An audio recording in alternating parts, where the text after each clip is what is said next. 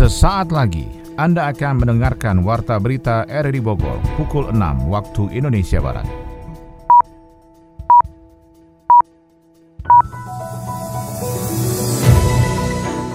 Selamat pagi, salam jumpa. Kami hadir kembali dalam Warta Berita edisi hari ini, Jumat 13 Mei 2022. Informasi ini juga turut disiarkan melalui audio streaming lewat RRI Play dan juga disiarkan lewat Radio Tegak Beriman Kabupaten Bogor, Jawa Barat dan Anda bisa akses di Spotify RRI Bogor. Proses investigasi dugaan kasus hepatitis misterius menunjukkan perkembangan informasi yang cukup baik. Mencegah penyakit mulut dan kuku, Pemkot Bogor merazia hewan ternak yang masuk ke kota Bogor. Pemerintah Kabupaten Bogor tetap melanjutkan program unggulan daerah yakni 1 miliar satu desa Samisade. Saya Maulana Isnarto, inilah Warta Berita selengkapnya.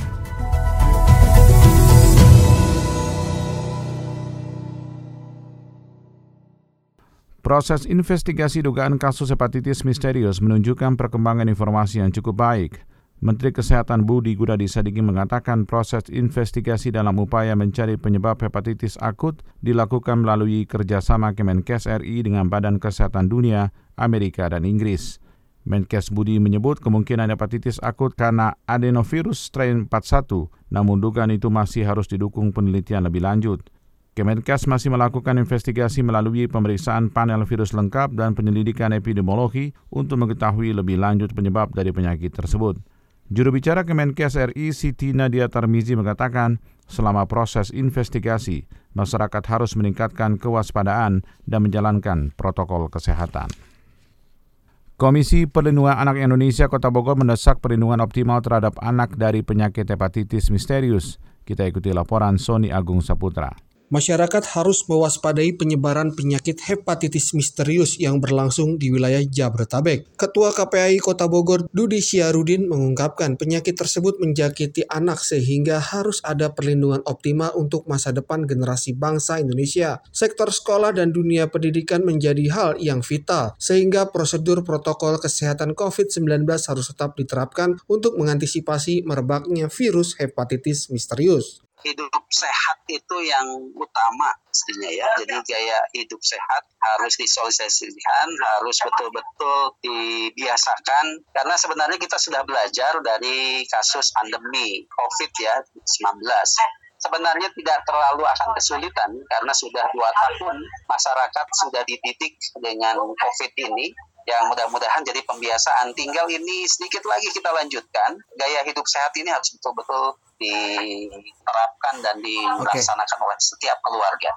Jadi sebenarnya kan infrastruktur sekolah juga hampir semuanya sudah hampir siap ya. Mm-hmm. Tinggal bagaimana kedisiplinan untuk kembali yeah. menerapkan protokol kesehatan yang seperti dua tahun yang lalu itu kembali kita gaungkan kembali begitu. Peran orang tua dalam menghindari dan mencegah anak terpapar hepatitis misterius harus dapat dioptimalkan sehingga perlu ada sinergitas antar semua elemen dari mulai pemerintah, sekolah dan orang tua. Pencegahan terhadap paparan hepatitis misterius juga harus dilakukan secara menyeluruh dengan menyiapkan infrastruktur kesehatan agar dapat menjangkau pelayanan jika ada paparan tersebut di Kota Bogor. Jadi ya, hepatitis ini juga eh, bagaimanapun harus diwaspadai dan diantisipasi oleh orang tua terutama karena emang uh, ini betul-betul akan uh, membuat um, tumbuh kembang dan masa depan anak juga akan terganggu. Karena proses penyembuhannya luar biasa. Konon kabarnya juga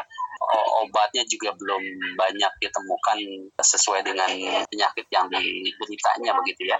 Jadi ini bukan dalam rangka menakut-nakutin, tapi lebih pada kewaspadaan dan antisipasi. Karena emang kasusnya emang benar ada, tentu saja orang tua dihimbau agar memperhatikan aktivitas anak-anaknya, terlebih saat ini baru dilaksanakannya arus balik ya tentu saja banyak kondisi yang perlu dirapihkan. Hingga saat ini Dinas Kesehatan Kota Bogor terus mengantisipasi masuknya penyakit tersebut dengan mendorong masyarakat mengikuti pola hidup bersih dan sehat PHBS agar terhindar terhadap paparan berbagai virus penyakit termasuk COVID-19 dan hepatitis misterius. Sementara itu untuk mencegah penyakit mulut dan kuku, Pemkot Bogor merazia hewan ternak yang masuk. Kembali Sony Agung melaporkan.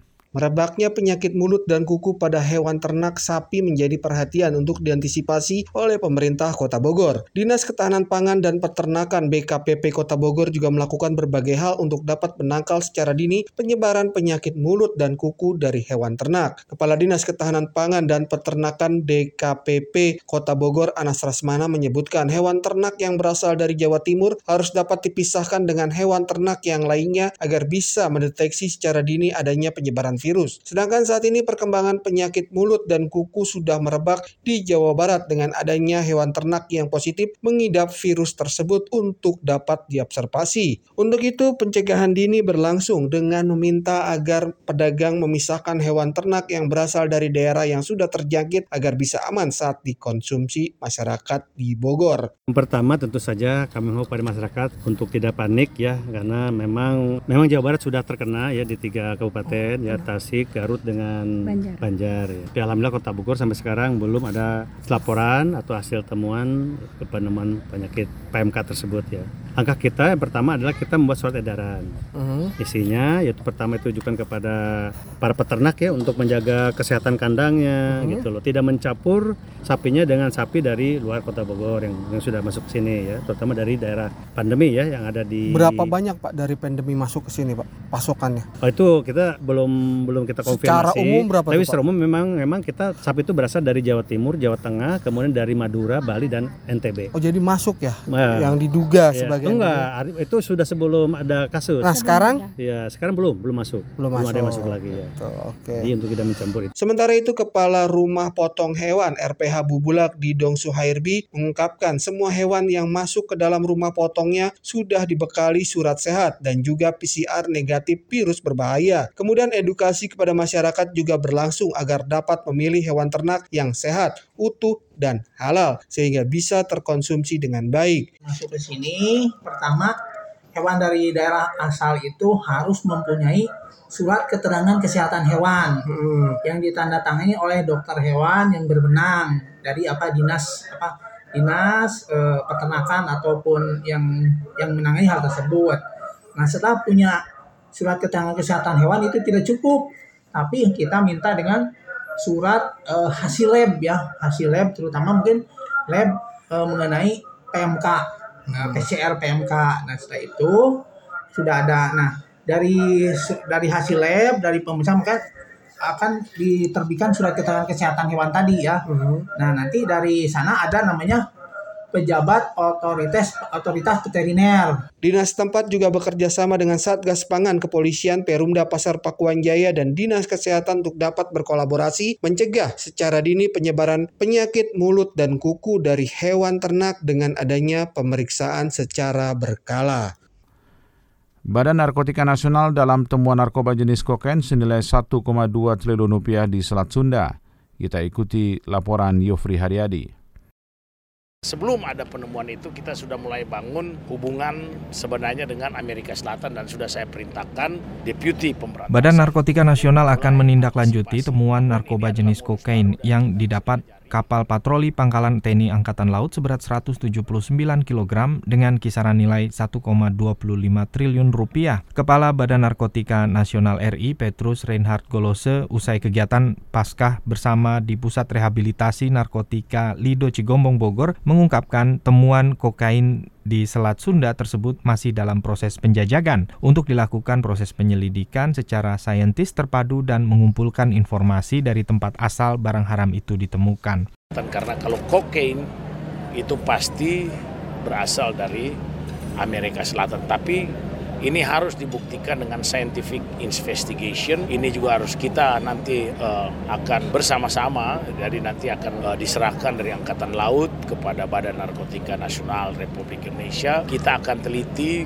bahan tersebut atau kokain tersebut itu melalui laboratorium. Untuk sekarang saya belum bisa memberikan tanggapan kaitan dengan itu, tetapi tanda sebenarnya bahwa dunia sudah mulai terbuka, bukan hanya metamfetamin atau syabu yang masuk ke Indonesia, Indonesia, tetapi juga kokain. Amerika Selatan diduga menjadi asal produk kokain dan heroin yang dikemas dalam lapisan tahan air dengan digenangkan begitu saja di perairan Selat Sunda, sehingga tidak ada satupun saksi yang dapat dimintai keterangan perihal temuan tersebut. BNN dan tim patroli pangkalan TNI Angkatan Laut masih menelusuri alur lintasan kapal di lokasi temuan.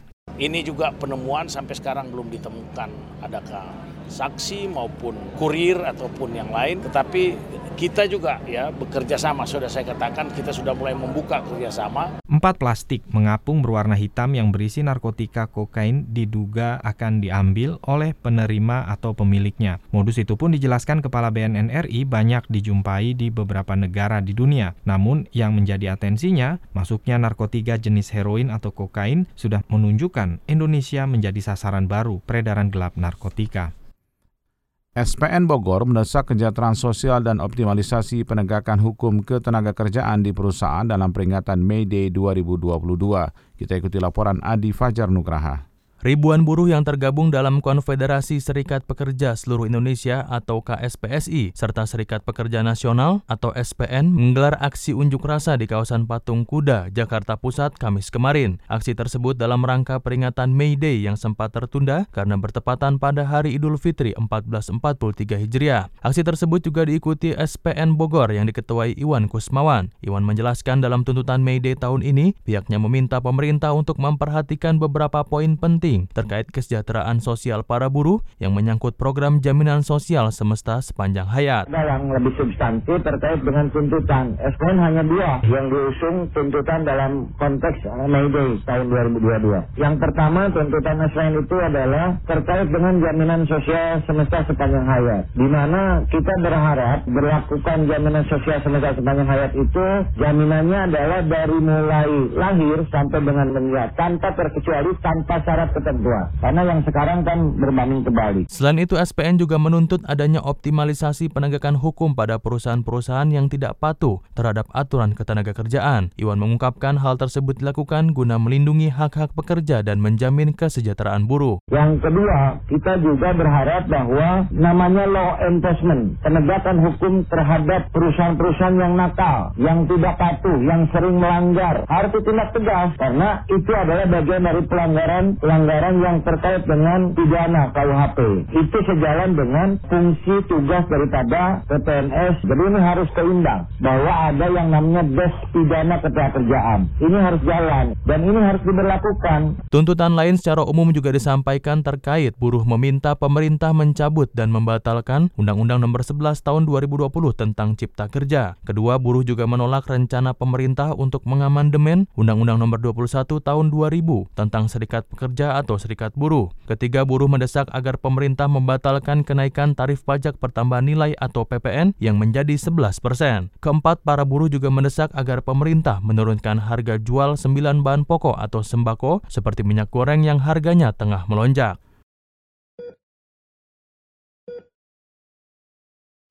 Seperti inilah kehidupan sekarang ini. Tak pernah lepas dari teknologi. Hidup seakan untuk diri sendiri Begitupun juga dengan aku yang tak pernah lepas dari alat ini.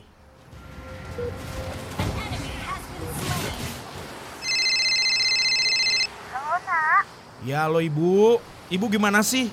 Kan aku lagi main game nih. Jangan ditelepon dulu lah. Pengen tahu kabar kamu, Nak, di sana. Gimana kabar kamu? Kuliah kamu? Baik-baik aja, Bu. Ah, lagian aku udah gede. Ngapain sih ditanya-tanya? Ah, ganggu aja. Aku lagi jalan nih mau ke kosan. Udah ya, nanti aja teleponnya. Ya udah hati-hati ya nak. Kabarin ibu kalau udah sampai. Bawel. Di mana pun dan kapan pun aku berada, alat ini yang selalu bersamaku. Hingga akhirnya, aku pun diingatkan.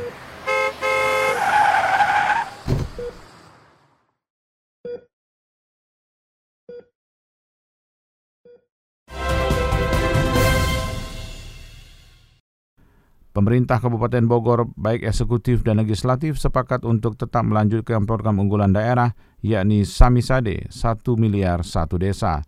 Kita ikuti laporan Yofri Haryadi. Pemerintah Kabupaten Bogor baik eksekutif dan legislatif sepakat untuk tetap melanjutkan program unggulan daerah yakni 1 miliar satu desa, Sami Sade. Meski program tersebut menyeret nama Bupati nonaktif Ade Yasin, secara manfaat program Sami Sade telah dianggarkan dan melewati tahapan regulasi yang menjadi payung hukum, mulai dari pengajuan, monitoring hingga pencairan dan evaluasi. Dalam kegiatan halal bihalal di Gedung Tegar Beriman Cibinong, Ketua DPRD Kabupaten Bogor Rudi Susmanto sepakat bersama dengan PLT Bupati Bogor Iwan Setiawan untuk melanjutkan dan memperbaiki kekurangan dalam pelaksanaan program tersebut. Program Samisade dirasakan langsung oleh masyarakat dan mempercepat pembangunan di desa. Akan tetapi dari 380 desa yang menerima dana Samisade, masih ada 100 desa yang belum menyerahkan laporan pertanggungjawaban. Rudi Susmanto menjanjikan akan ada honor bagi petugas pengawas lapangan yang ditunjuk dalam mengawal dana Samisade. Setelah video aksi pencopetan di alun-alun Kota Bogor viral, Satpol PP Kota Bogor mengintensifkan patroli keamanan di fasilitas umum demi kenyamanan warga. Berikut laporan Adi Fajar Nugraha. Jajaran Satpol PP Kota Bogor berkomitmen meningkatkan keamanan warga di fasilitas umum setelah adanya aksi copet di alun-alun Kota Bogor. Hal itu ditegaskan Kepala Satpol PP Kota Bogor Agustiansyah dalam merespon aksi pencopetan yang belakangan ini videonya viral di media sosial. Ia mengatakan telah berkoordinasi dengan Satuan Keamanan di alun-alun Kota Bogor bersama aparat kepolisian untuk mengintensifkan patroli dalam mencegah aksi kejahatan di fasilitas umum. Agus memastikan bahwa situasi Kamtipmas di Kota Bogor tetap kondusif dan meminta warga untuk selalu waspada terhadap adanya potensi kejahatan di area publik. Kami di sini saya dengan Pak Kawit Pertamanan sedang mencoba mengkonsolidasikan untuk memperkuat pengamanan di sini. Personil kami, personil uh, pengamanan kereta api dan juga personil Pak Ranger sama-sama akan lebih lagi kita tingkatkan intensitas patrolinya buat warga merasa nyaman ada alun-alun ini. Kami yakin ini kejadian mungkin baru sekali aja ya, tapi saya berharap tidak membuat warga merasa Bogor nggak aman tidak. Bogor tetap aman, Bogor kota aman tetap. Kami sama-sama semua petugas yang ada di sini akan memaksimalkan kinerja kami supaya warga tetap nyaman. Upaya lain yang dilakukan Pemkot Bogor ialah dengan memasang kamera CCTV di area publik seperti di alun-alun kota untuk memastikan keamanan warga. Hingga kini pun Polresta Bogor Kota masih melakukan penyelidikan terhadap kasus tersebut. PLT Bupati Bogor Iwan Setiawan memastikan perbaikan ruas jalan Warung Borong Ciampea Ranca Bungur direalisasikan pada Juni 2022. Kita ikuti laporan Yofri Haryadi. PLT Bupati Bogor Iwan Setiawan memastikan perbaikan ruas jalan Warung Borong, Ciampea, Ranca Bungur direalisasikan pada Juni 2022 ini. Peningkatan kualitas jalan melalui Dinas Pekerjaan Umum dan Penataan Ruang PUPR dilakukan dengan cara betonisasi sepanjang 2,3 km dengan lebar sesuai existing di lapangan menelan anggaran 7,9 miliar rupiah dari APBD setempat. Iwan Setiawan menambahkan, ruas Jalan Ciampea Ranca Bungur selama ini menjadi alternatif bagi pengguna jalan yang terjebak kemacetan panjang di jalan provinsi Dramaga Ciampea Jasinga. Perbaikan ruas jalan tersebut selain akan meningkatkan mobilitas masyarakat sekitar juga menjadi urat nadi perekonomian warga. Subkoordinator Pelaksana Pembangunan Jalan dan Jembatan Dinas PUPR Kabupaten Bogor Heru Hairudin mengungkapkan saat ini proyek perbaikan jalan tersebut sudah berproses dan sudah ada pemenang menang lelangnya dan menunggu penerbitan surat penunjukan penyedia barang dan jasa. Penerbitan SPPBJ melalui jaminan pelaksanaan sebelum tanda tangan kontrak dan peninjauan bersama. Sebelumnya warga Ciampea melakukan aksi protes dengan menanami pohon dan menebar bibit lele di genangan air jalan yang rusak.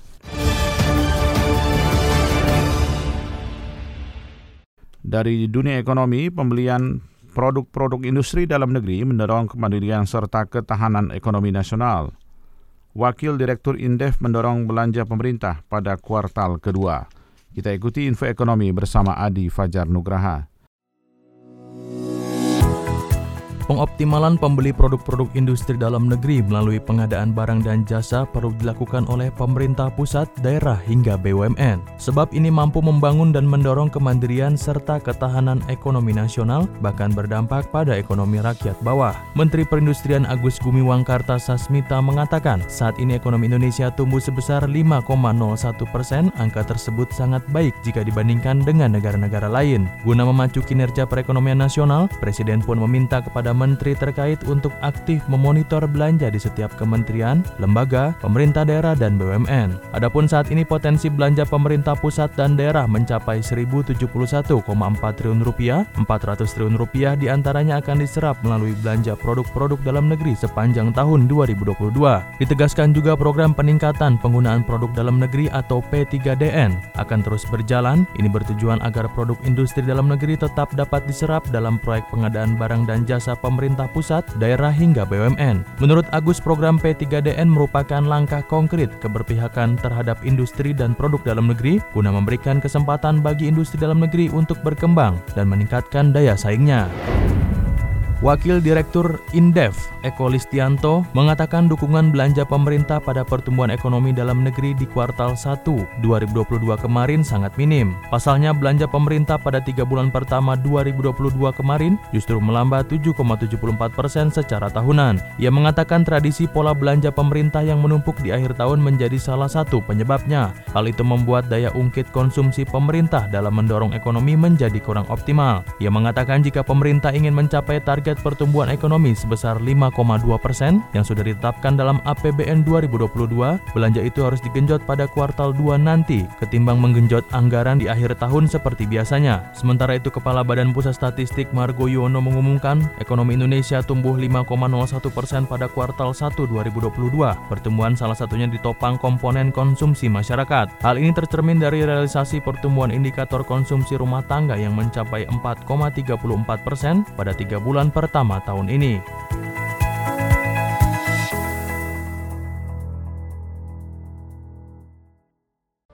Assalamualaikum warahmatullahi wabarakatuh. Saya Arif Satria, Rektor IPB. Mari bersama RRI Radio Tangga Bencana COVID-19. Kita tingkatkan sikap disiplin untuk menjaga diri, keluarga, dan masyarakat sekitar kita untuk melaksanakan protokol kesehatan dan pola hidup sehat. Mari kita tingkatkan kekompakan kita untuk menghadapi bencana pandemi COVID-19 dengan penuh optimis. Semoga pandemi COVID-19 segera berlalu. Wassalamualaikum warahmatullahi wabarakatuh.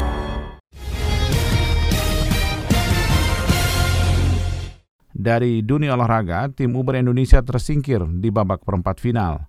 Pemkap Bogor bangga atletnya peroleh medali emas pada cabang olahraga dayung pada SEA Games ke-31 di Vietnam. Kita akan ikuti laporan Ermelinda. Thank you.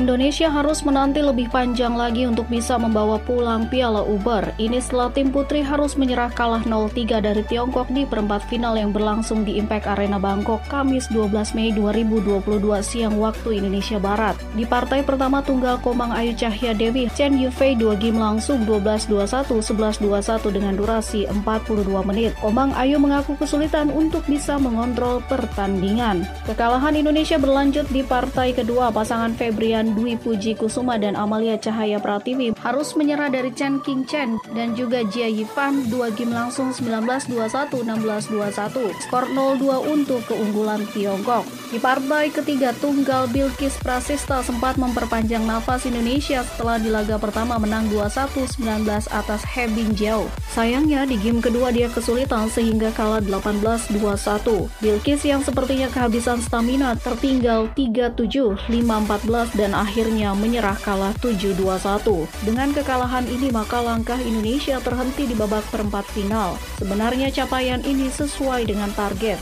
Ini menjadi perempat final ke-6 kalinya secara beruntun yang dicapai tim Piala Uber sejak tahun 2012. Terakhir kali Indonesia membawa pulang Piala Uber tahun 1996. PLT Bupati Bogor mengucapkan selamat dan bangga atas perolehan medali emas pada cabang olahraga dayung SEA Games 2021 di Vietnam. Kedua atlet tersebut adalah Kakan Kusmana dan Ardi Isadi. Keduanya menyumbangkan emas pertama untuk Indonesia. Sementara Kakan Kusmana adalah atlet dayung asal Bumi Tegar Beriman. Iwan Setiawan mengatakan selamat untuk Kakan Kusmana dan Ardi Isadi yang sukses menyumbangkan medali emas pertama bagi Indonesia di SEA Games 2021 dari cabur dayung. Dua atlet ini telah membuat Indonesia bangga. Menurut Iwan, warga Kabupaten Bogor bangga dengan raihan yang dicapai Kakan Kusmana. Kakan tidak hanya melakukan yang terbaik, tetapi juga menginspirasi yang terbaik bagi kita semua. Iwan menjelaskan saat ini sarana dan prasarana olahraga di Kabupaten Bogor sudah mulai baik dan akan terus dilengkapi. Dukungan ke depannya bagaimana Pengcap ini harus dijadikan Pengcap unggulan prestasi dengan dukungan anggaran, pelatihan yang memadai dan dukungan kegiatan yang sifatnya kompetisi-kompetisi di tingkat lokal. Kakan Kusmana, pria asal Kecamatan Kemang, Kabupaten Bogor ini berlaga di nomor men's lightweight double sculls cabur dayung SEA Games 2021 di High Pong Canoeing dan Rowing Training Center pada hari Rabu 11 Mei 2022. Kakan Kusmana dan Ardi Isadi sukses tampil sebagai yang tercepat dengan perolehan waktu 7 menit 1385 detik. Anggota DPRD Kota Bogor dari Komisi 4 Jairin sangat mengapresiasi tata kelola anggaran hibah yang dilakukan pengurus Komite Olahraga Nasional Indonesia atau KONI Kota Bogor. Pasalnya dengan anggaran terbatas KONI mengelola anggaran tersebut untuk kemajuan prestasi keolahragaan. Dana hibah yang dialokasikan pemerintah Kota Bogor sebesar 13 miliar kepada KONI Kota Bogor sudah dimanfaatkan KONI Kota Bogor untuk persiapan cabang olahraga menjelang pelaksanaan Pekan Olahraga Provinsi Jawa Barat 2020 2022. Adapun alokasi anggaran tersebut untuk gaji atlet, pelatih asuransi atau BPJS, kebutuhan try-in, try-out serta kebutuhan-kebutuhan cabang olahraga yang akan memperkuat kontingen Kota Bogor di ajang Porprov 2022. Sementara untuk pelaksanaan Porprov kemungkinan akan dialokasikan Pemkot Bogor kepada KONI Kota Bogor sebesar 32 miliar rupiah dari anggaran biaya tambahan. Kota Bogor Alhamdulillah walaupun dengan anggaran terbatas, Poli mampu menyesuaikan itu. Bahkan dengan anggaran yang saya pikir belum belum maksimal Pak ya, tapi ya, Alhamdulillah Poli bisa menunjukkan uh, prestasi yang cukup luar biasa. Artinya di PD Kota support tidak ada tidak ada masalah, hanya mungkin dari sisi kemampuan keuangan daerah yang yang kita kan support ini juga target wali kota juga begitu kan dengan 90 medali. Oleh karena itu 90 medali itu akan terpenuhi apabila juga dibarengi dengan anggaran yang mumpuni. Sementara itu sebelumnya Wali Kota Bogor Bima Arya juga meminta KONI ikut mewujudkan Kota Bogor sebagai kota olahraga. Secara keseluruhan Bima menyebut tiga agenda untuk dicapai oleh KONI Kota Bogor. Pertama, tiga besar di Porda mendatang. Kedua, bersama-sama Pemkot Bogor mewujudkan kampung atlet. Dan ketiga, bersama-sama mendorong Kota Bogor menjadi kota olahraga atau sport tourism. Jadi bagian dari itu, karena taglanya adalah prestasi untuk kehidupan. Jadi bukan hanya sekedar berkompetisi di Porda, tapi olahraga ini harus bisa menunjang sehat ya pendapatan dan kesejahteraan. Untuk kesejahteraan atlet Kota Bogor, ke depannya Bima mengatakan tidak hanya akan menyalurkan atlet-atlet ke tempat-tempat pekerjaan kantor, tetapi bagaimana memberikan ruang bagi atlet untuk bisa berkarya di banyak tempat, bisa menjadi seorang entrepreneur, wirausaha aktif di komunitas, dan tidak semua harus di BUMD atau perusahaan.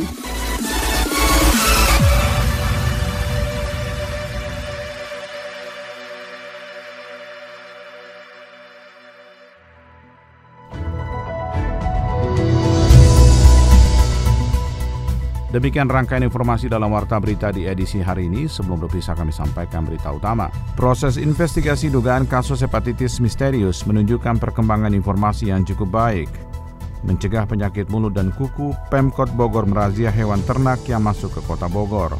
Pemerintah Kabupaten Bogor tetap melanjutkan program unggulan daerah yakni 1 miliar satu desa Samisade. Saya Maulana Isnarto, mewakili kerabat kerja yang bertugas hari ini terima kasih atas perhatian Anda. Selamat pagi, sampai jumpa.